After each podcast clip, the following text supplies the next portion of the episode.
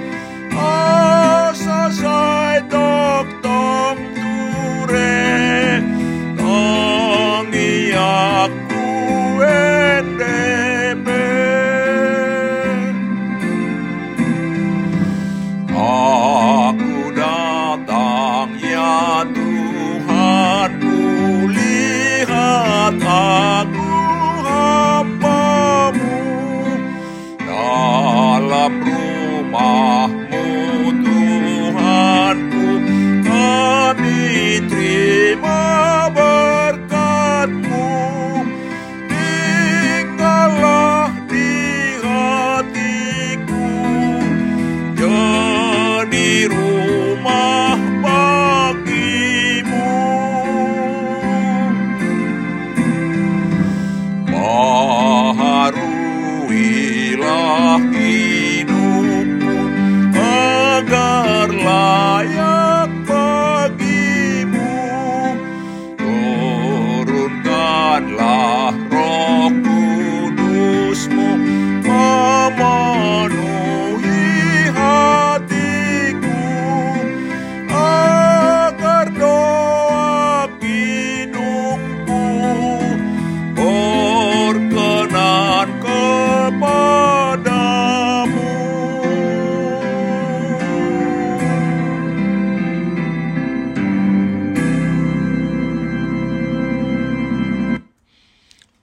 Mari kita berdoa.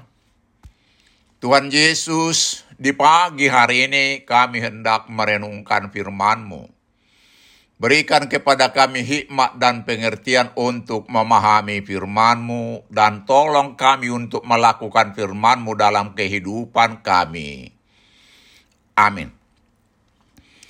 Saudara-saudara yang dikasihi Tuhan Yesus, firman Tuhan untuk kita renungkan di pagi hari ini terambil dari Habakuk 2 ayat 20 dengan tema Allah membalas ketidakadilan demikian firman Tuhan. Tetapi Tuhan ada di dalam baiknya yang kudus. Berdiam dirilah di hadapannya, ya segenap bumi. Pasal ini merupakan ucapan peringatan bagi bangsa Kasdim dan juga sebagai pengingat bagi umat Tuhan masa kini. Tuhan yang adil akan membalaskan setiap kejahatan. Kejahatan yang Yehuda lakukan dihukum Tuhan melalui pasukan Kasdim. Sebaliknya, bangsa Kasdim mendapatkan balasan atas kejahatan mereka terhadap Yehuda dan bangsa-bangsa lain. Ungkapan celaka berkali-kali disebutkan celaka terhadap orang yang mengambil lama yang tidak halal, celaka bagi yang mendirikan bangunan di atas darah ketidakadilan, celaka bagi orang yang memberi dengan bercampur amarah, dan celaka bagi orang yang menyembah berhala. Tuhan tidak memberikan toleransi kepada mereka yang melakukan ketidakadilan, keserakahan, kekerasan, dan penyembahan berhala. Bangsa ini telah menjajah dan menjarah kekayaan bangsa lain dan membunuh penduduknya untuk memperkaya diri mereka.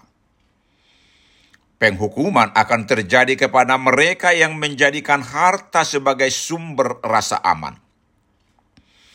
Allah mengutuk mereka karena menyembah berhala yang mereka buat, yang hakikatnya adalah benda mati. Tuhan melalui nabinya Habakuk menekankan adalah suatu kebodohan membuat dan menyembah patung tuangan yang bisu. Suatu kebodohan menyapa dan menyembah sepotong kayu atau batu yang tidak punya roh, walaupun dilapisi dengan emas. Saudara-saudara yang dikasihi Tuhan Yesus, Tuhan ada di bait sucinya yang kudus, di sanalah sepatutnya tempat penyembahan yang benar. Kita yang beriman kepada Yesus Kristus, kita yang memiliki akses langsung kepadanya, di sanalah kita fokus berdiam diri menyembahnya. Kita dipanggil untuk menjauhi kejahatan dan mencintai kebaikan dan kebenaran. Menegakkan kebenaran dan keadilan adalah panggilan dari setiap pengikut Kristus. Kebenaran yang sejati ada di dalam Yesus Kristus setiap tindakan jahat atau baik pasti akan mendapat ganjaran setimpal. Keadilan Allah akan ditegakkan. Berlakulah adil. Amin. Mari kita berdoa. Tuhan Yesus, terima kasih atas peringatan Tuhan agar kami tetap bersikap adil. Ajar kami untuk tetap setia melakukan keadilan dan kebenaran terhadap sesama. Amin. Tuhan Yesus memberkati kita.